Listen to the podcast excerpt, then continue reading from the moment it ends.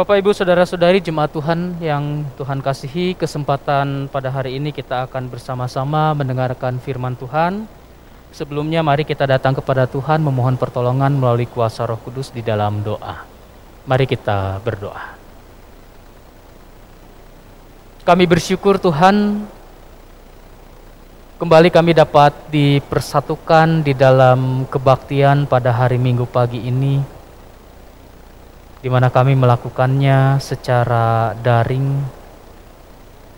Kami berada di rumah kami masing-masing, tetapi iman kami tetap satu bersama dengan umat Tuhan lainnya, khususnya di persekutuan GKP Jemaat Bandung. Dalam kebaktian pada saat ini selain tentunya kami memuji memuliakan nama Tuhan dan mengakui akan setiap kesalahan dosa-dosa kami sambil menerima juga anugerah pengampunan darimu, kami rindu Tuhan berkenan untuk dapat menyapa kami. Dan oleh karena itu saat ini tibalah bagi kami untuk disapa oleh Tuhan. Tibalah bagi kami untuk kami dapat membaca firman Tuhan sebagai bentuk sapaan Tuhan bagi kami. Oleh karena itu sebelum kami hendak membacanya, bahkan ketika kami hendak mendengarkan, merenungkan dengan sungguh-sungguh, sehingga kami dapat melakukan dalam kehidupan sehari-hari, kami memohon pertolongan Tuhan melalui kuasa roh kudus, yang kiranya dapat mengurapi setiap hati dan pikiran bahkan tubuh kami. Sehingga dengan demikian hati kami dapat menerima, pikiran kami dapat mencerna, bahkan tubuh kami dapat berguna untuk dapat melakukan setiap firman Tuhan. Kami sedang memberi diri bagi firman-Mu. Oleh karena itu, berkenanlah Tuhan mengurapi kami. Hambamu yang menyampaikan, Tuhan juga yang kiranya senantiasa terus memberkatinya supaya setiap apa yang disampaikannya juga tetap berasal dari Tuhan melalui tuntunan Roh Kudus. Ya Tuhan, berbicaralah kepada kami. Kami umatmu siap sedia untuk mendengarkan. Di dalam nama Yesus Kristus Sang Firman yang hidup itu, kami berdoa. Amin. Ibu bapak, saudara-saudari yang dikasih Tuhan bersama dengan jemaat-jemaat gereja Kristen Pasundan lainnya, saat ini kita akan menggumuli bagian daripada firman Tuhan yang terambil dari Markus 6 ayatnya yang ke-14 sampai dengan yang ke-29. Markus 6 ayat 14 sampai dengan 29 dengan tema yang diberikan saksi yang setia.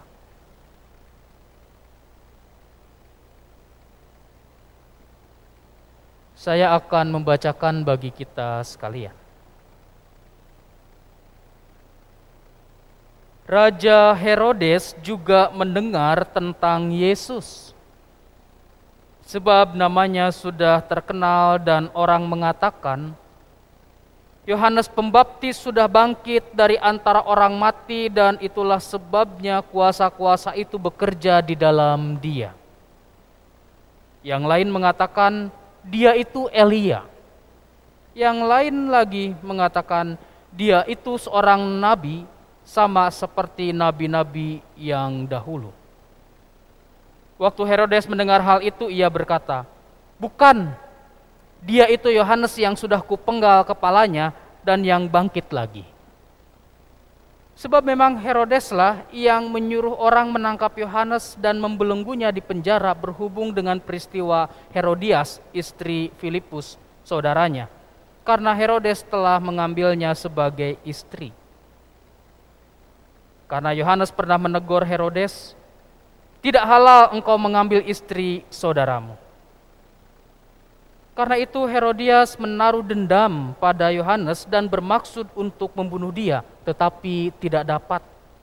Sebab Herodes segan akan Yohanes karena ia tahu bahwa Yohanes adalah orang yang benar dan suci.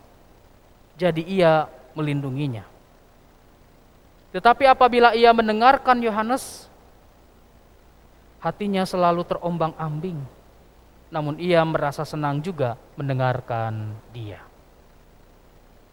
Akhirnya tiba juga kesempatan yang baik bagi Herodias ketika Herodes pada hari ulang tahunnya mengadakan perjamuan untuk pembesar-pembesarnya. perwira-perwiranya, dan orang-orang terkemuka di Galilea. Pada waktu itu anak perempuan Herodias tampil lalu menari dan ia menyukakan hati Herodes dan tamu-tamunya. Raja berkata kepada gadis itu, Minta daripadaku apa saja yang kau ingini, maka akan kuberikan kepadamu. Lalu bersumpah kepadanya, Apa saja yang kau minta akan kuberikan kepadamu, sekalipun setengah dari kerajaanku. Anak itu pergi dan menanyakan ibunya, apa yang harus kuminta? Jawabnya, kepala Yohanes Pembaptis. Maka cepat-cepat ia pergi kepada raja dan meminta, Aku mau, supaya sekarang juga engkau memberikan kepadaku kepala Yohanes Pembaptis di sebuah talam. Lalu sangat sedihlah hati raja. Tetapi karena sumpahnya dan karena tamu-tamunya ia tidak mau menolaknya. Raja segera menyuruh seorang pengawal dengan perintah supaya mengambil kepala Yohanes.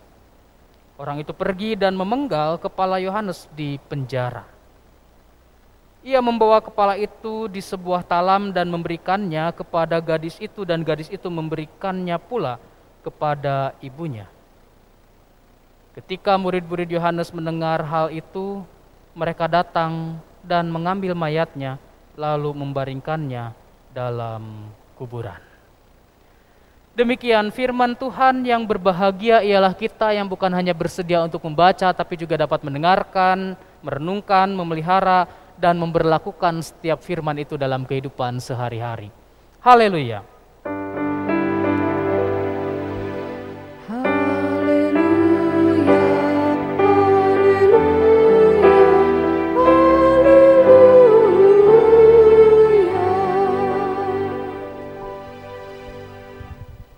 Selamat pagi Bapak Ibu Saudara-saudari yang dikasih Tuhan. Bagaimana kabarnya Anda khususnya yang berdiam di rumah saat ini? Semoga baik-baik ya. Saya berharap semua warga jemaat GKP Bandung bahkan juga simpatisan yang mungkin saja selalu ikut ambil bagian dalam kebaktian di uh, YouTube-nya Digital Ministry GKP Bandung dalam keadaan baik-baik saja di tengah-tengah bisingnya suara sirine ambulan dan juga kabar buruk atau kabar duka cita yang berseliweran di media sosial. Jadi kalau misalkan lihat status, WhatsApp, apa segala macam, Facebook, banyak sekali itu ya. Informasi-informasi yang membuat kita sebetulnya mungkin bisa saja takut. Jadi memang Bapak Ibu Saudara-saudari ini membuktikan bahwa sungguh dunia ini sedang tidak baik-baik saja, dunia ini sedang sakit sakitnya dunia ini diperparah dengan masih adanya orang yang tidak percaya akan keberadaan virus. Bahkan mereka jadi masa bodoh. Nggak pakai masker dan sebagainya gitu ya. Semoga Bapak Ibu Saudara-saudari kita semua bukan menjadi salah satu dari antara orang-orang tersebut. Bapak Ibu Saudara-saudari yang dikasih Tuhan di tengah-tengah dunia yang sedang sakit ini kita saat ini diajak untuk merenungkan firman Tuhan dengan tema saksi yang setia. Saksi yang setia. Tema ini sangat jelas ingin mengajak kita sekalian untuk tidak hanya menjadi saksi, artinya tetap jadi saksi, tapi bukan hanya menjadi saksi, namun juga menjalankannya dengan penuh kesetiaan. Ada orang yang menjalani profesi tertentu, tapi juga tidak setia Nah, dalam hal ini diajak untuk menjadi saksi tapi dengan penuh kesetiaan. Jadi ada dua hal yang berbeda sekaligus berkaitan, menjadi saksi dan setia menjalaninya. Nah, berbicara tentang menjadi saksi Bapak Ibu Saudara-saudari, ada dua ciri utama dalam menjadi saksi. Bapak Ibu boleh menambahkannya tetapi saya merefleksikan ada dua ciri utama dalam menjadi saksi. Yang pertama, seorang saksi adalah orang yang terlibat atau ada langsung pada saat kejadian. Itu ya. Saksi mata misalkan gitu. Orang yang terlibat atau ada langsung pada saat kejadian. Karena itu ia bisa berbicara banyak hal karena ia terlibat atau ada pada saat kejadian. Jadi dengan demikian apa yang disampaikannya harus berdasarkan pengalaman empirik si yang bersaksi itu. Atau paling tidak pengalaman real, pengalaman yang benar-benar terjadi. Bukan khayalan apalagi rekayasa. Ya. Apa yang disampaikan oleh seorang yang bersaksi itu harus berdasarkan pengalaman yang terjadi. Bukan dia sedang apa merekayasa sebuah cerita. Bukan. Itu yang pertama. Ya. Itulah kenapa dalam kisah para rasul pasal 1 ketika para rasul mengusulkan sosok pengganti Yudas Iskariot, salah seorang murid Yesus yang sudah mati itu, Salah satu kriterianya adalah apa? Orang yang selalu bersama-sama dengan Yesus dan bersama-sama dengan para rasul semasa hidupnya, mulai dari baptisan Yohanes sampai kenaikan Yesus ke sorga. Tujuannya apa? Untuk menjadi saksi tentang kebangkitan Yesus. Kisah 1 ayat 21-22, silahkan cek. Itu kriterianya. Tujuannya untuk menjadi saksi. Jadi kalau mau menjadi saksi, ya harus ikut terlibat ada pengalaman nyata, ada pengalaman real, empirik, bukan tentang orang berapa, berimajinasi. Sesuatu hal yang tidak ada disampaikan jadi ada, bukan. Tujuannya juga untuk dapat mempertanggungjawabkan kesaksiannya supaya bukan menjadi sebuah kebohongan. Ya. Jadi itu yang pertama bahwa seorang saksi adalah orang yang terlibat atau ada langsung pada saat kejadian atau berdasarkan pengalaman real, pengalaman empirik. Yang kedua, prinsip sebuah kesaksian adalah berpusat pada Tuhan, bukan pada diri sendiri. Kesaksian yang benar adalah kesaksian yang membuat Allah dimuliakan. Kesaksian yang gagal total adalah kesaksian yang membuat para pendengarnya semakin mengenal kehebatan yang bersaksi. Maka dari itu Bapak Ibu Saudara-saudari, cek di setiap kesaksian-kesaksian kita pribadi masing-masing. Apakah isinya bertujuan supaya orang mendengar dan mempermuliakan nama Tuhan atau justru malah memperkenalkan kehebatan kita sebagai orang yang bersaksi? Bukankah ada banyak tuh orang yang bersaksi di YouTube? Kalau misalkan melalui kesaksian itu, si para penonton dan pendengarnya jadi memuliakan nama Tuhan, itu yang benar. Tapi kalau karena kesaksian itu si para penonton, si para pendengar jadi malah lebih mengenal orang yang bersaksinya, hati-hati. Jangan-jangan orang yang bersaksi itu lebih sedang ingin mempermuliakan diri dia Harusnya dengan kesaksian kita, orang yang mendengar harusnya jadi terpusatkan pada Tuhan. Berpusat pada nilai-nilai dan kebaikan-kebaikan Tuhan, bahkan juga peringatan-peringatan Tuhan. Jadi ya silahkan Bapak Ibu Saudara-saudari untuk mengecek ke dalam diri sendiri dari setiap kesaksian-kesaksian kita. Itu tentang saksi. Sekarang kita berbicara tentang kesetiaan. Bapak Ibu saudara-saudari yang dikasih Tuhan, kesetiaan menjadi topik yang nampaknya sudah sering kita dengar. Setiap orang percaya seharusnya menjadi orang yang setia kepada Tuhan terlebih saat ini kita diajak untuk setia dalam bersaksi. Artinya kesaksian kita harus kita wujudkan terus-menerus berkaitan dengan kesetiaan harus diwujudkan terus-menerus. Kesetiaan itu berkaitan dengan beberapa hal, bisa ditambahkan sendiri. Saya sih hanya mencatat beberapa, yaitu beberapa hal mengenai waktu, mengenai situasi, dan mengenai kondisi. Tiga hal. Pertama, mengenai waktu. Orang yang dikatakan setia adalah orang yang tidak akan mempersoalkan waktu, kapan pun waktunya, jika ia harus menyatakan kesaksian bagi kemuliaan nama Tuhan, maka ia akan bersaksi. Mau pagi, siang, sore, atau bahkan malam sekalipun, waktu bukan menjadi penghalang baginya untuk bersaksi. Itu pertama. Dan yang kedua mengenai situasi, orang yang dikatakan setia apa pun situasinya, baik itu dalam keadaan aman maupun mengancam, maka ia akan tetap bersaksi bagi kemuliaan nama Tuhan. Memang terkesan ceroboh atau bahkan mungkin konyol atau bahkan mungkin nekat, tapi itulah tuntutan dari kesetiaan. Itulah juga kenapa kata saksi itu memiliki korelasi dengan kata martir yang berarti berkorban sampai akhir, bahkan sampai meregang nyawa. Itu yang kedua. Situasi. Ketiga mengenai kondisi. Bukan kondisi yang sama halnya dengan situasi, tapi kondisi pribadi. Kondisi dari orang yang bersaksi. Orang yang dikatakan setia adalah orang yang apa pun kondisinya, dia akan tetap berjuang untuk bersaksi walaupun keadaannya tidak sedang baik-baik saja. Orang yang setia akan berkata, lamun masih keneh bisa hudang jeng lempang mah indit, kecuali lamun geus bisa hudang. Itulah wujud dari kesetiaan yang sesungguhnya. Mungkin kita mah ya liar saeutik ya langsung nolak dijadikan alasan gitu.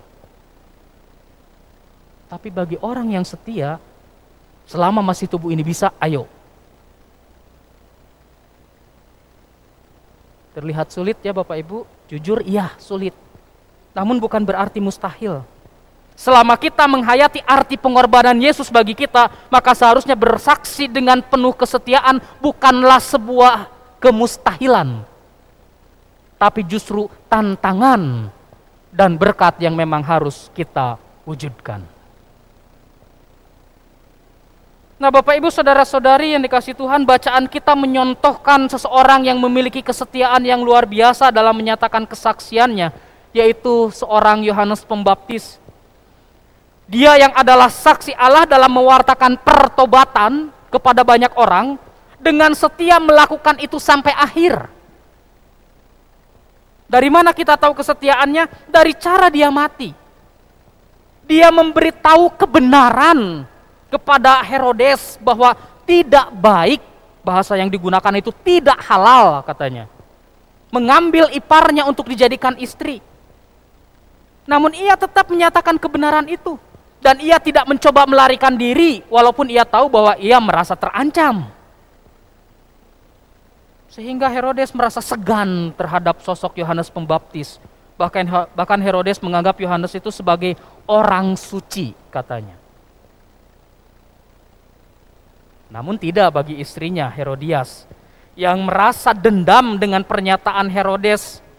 Karena itu melalui momen di mana memang ulang tahun Herodes gitu ya, lalu anak perempuannya Salome yang membanggakan Herodes dengan tariannya hingga pada akhirnya Herodes bersumpah akan memberikan apa pun untuk anak perempuan ini. Nah, melalui kesempatan yang ada Herodias berkata kepada anak perempuan ini supaya apa yang diminta yaitu kepala Yohanes Pembaptis di atas talam. Minta itu kepada Bapak. Gitu. Ini hati-hati ya ibu-ibu dalam hal mendidik anak. Serem juga ternyata ya keinginan ibu-ibu. Ya ibu Herodias, enggak ibu-ibu GKP Bandung saya yakin lah. Hati-hati ternyata. Minta kepala Yohanes Pembaptis di atas di atas talam. Gitu. Ya karena sumpahnya Herodes ya tidak bisa mengelak, akhirnya ambil tuh yang sedang di penjara itu. Tuk-tuk, potong kepalanya, bawa. Sedih Herodes. Renungan di warta bagian awal tuh. Itu pas juga tuh temanya.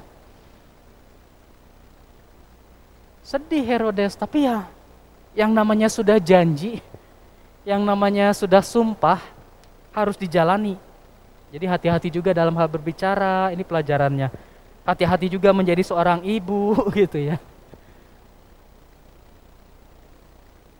Betapa keji yang dilakukan oleh Herodias sebagai istri raja dan betapa tidak berdayanya seorang raja terhadap sumpah yang sudah diikrarkannya. Bukan raja yang tunduk pada istri, tapi raja yang tunduk terhadap sumpah. Nah, Bapak Ibu Saudara-saudari, Yohanes Pembaptis telah menunjukkan kepada kita bagaimana caranya menjadi saksi yang setia. Mungkin terkesan radikal sekaligus nekat atau konyol karena berani mati demi mempertahankan kesaksiannya bahwa apa yang dilakukan oleh Herodes itu tidak benar gitu ya. Namun itulah orang yang setia. Mereka memang siap mati demi kesaksiannya. Mereka mati demi mempertahankan apa yang menjadi kebenaran dalam Tuhan. Bukan berani mati untuk membunuh orang lain, tetapi mempertahankan apa yang diyakini bahwa itu benar di hadapan Tuhan. Gereja Kristen Pasundan ada hingga saat ini tidak lepas dari para pendahulu kita yang juga menjadi saksi yang setia. Bahkan sampai berkorban nyawa. Pendeta Usman Sarim itu adalah salah satu saksi Tuhan yang setia yang meregang nyawa pada 14 November 1951 di tangan para gerombolan di GKP Tamiang. Dan itu bukti nyata. Itu bukti nyata. Ya berbeda dengan masa lalu, dengan kondisi saat ini, kiranya juga tetap tidak menyurutkan kesaksian kita untuk tetap setia kepada Tuhan Bapak Ibu Saudara-saudari. Karena situasi saat ini adalah situasi pandemi. Pandemi kiranya tidak menyurutkan kita untuk terus menyatakan kesaksian kita kepada banyak orang. Kesaksian sebagai orang yang merasakan kasih dari Tuhan Yesus sehingga orang lain pun harusnya mengetahui bahkan juga merasakan betapa kebaikan dan kasih dari Tuhan itu bersaksi tentang kebaikan Kristus harus terus dibumikan pada masa pandemi seperti ini. Apa yang harus dilakukan? Ya, ini bagi para nakes tenaga kesehatan khususnya tenaga kesehatan anggota jemaat GKP Bandung, umumnya seluruh tenaga kesehatan. Anda ini adalah orang-orang yang sentral dalam menyatakan saksi kebaikan Tuhan pada saat ini. Sungguh, anda adalah sosok yang bahkan banyak meregang nyawa dalam menyatakan saksi itu. Saya lihat di berita dari IDI berapa ratus dokter ya. Eh, dokter apa tenaga kesehatan yang meninggal gitu ya. Ikatan Dokter Indonesia kayaknya dokter berarti ya. Karena apa? Karena Anda berhadapan langsung dengan orang-orang sakit dan virus itu sendiri. Karena itu tetaplah setia sampai akhir. Nyatakan kebaikan Tuhan itu melalui pelayanan Anda. Mereka yang sakit dan khususnya yang terpapar ini membutuhkan Tuhan melalui Anda. Jadi tetaplah setia untuk menjalankan tugas Anda tersebut. Sebagaimana Tuhan Yesus yang juga setia menolong orang yang sakit setialah terhadap panggilan Anda tersebut. Bagi kita semua warga jemaat yang memang juga harus selalu setia, setialah juga di rumah. Tetapi kalaupun di rumah tetap masih bisa kok menyatakan saksi, masih ada yang dapat kita lakukan untuk menyampaikan kesaksian kita betapa baiknya Tuhan bagi semua orang menolong dan memberikan perhatian atau bantuan makanan bagi mereka yang isolasi mandiri adalah salah satu perbuatan kecil yang tetap dapat kita lakukan sebagai bentuk kebaikan Tuhan bagi mereka. Dengan memberi mereka makan, maka kita juga sedang diingatkan bahwa kita pun selalu diberi makan oleh Tuhan. Sebagaimana perjamuan kudus yang akan kita selenggarakan saat ini. Ini merupakan bentuk perhatian Tuhan bagi kita maka dari itu Tuhan kita muliakan. Demikian juga ketika kita sedang memberi makan saudara-saudari kita yang isoman, maka itulah juga bentuk perhatian Tuhan melalui kita. Sehingga mereka itu juga akan mempermuliakan nama Tuhan karena mereka merasakan bahwa kehadiran Tuhan nyata dan Tuhan sedang memberi mereka makan. Itu salah satu bentuk hal yang real dari kesaksian kita. Dan kita masih akan terus tetap setia untuk menolong orang-orang seperti itu. Karena memang tidak banyak yang bisa kita lakukan, karena kita pun hanya berdiam diri di rumah. Mari Bapak Ibu Saudara-saudari, nyatakanlah kesaksian kita dan tetaplah setia untuk terus bersaksi di dalam kehidupan kita, dalam situasi yang sulit ini. Saya percaya, dan kita harus percaya, Tuhan akan menjaga, Tuhan akan menguatkan, dan Tuhan akan menolong kita semua. Amin.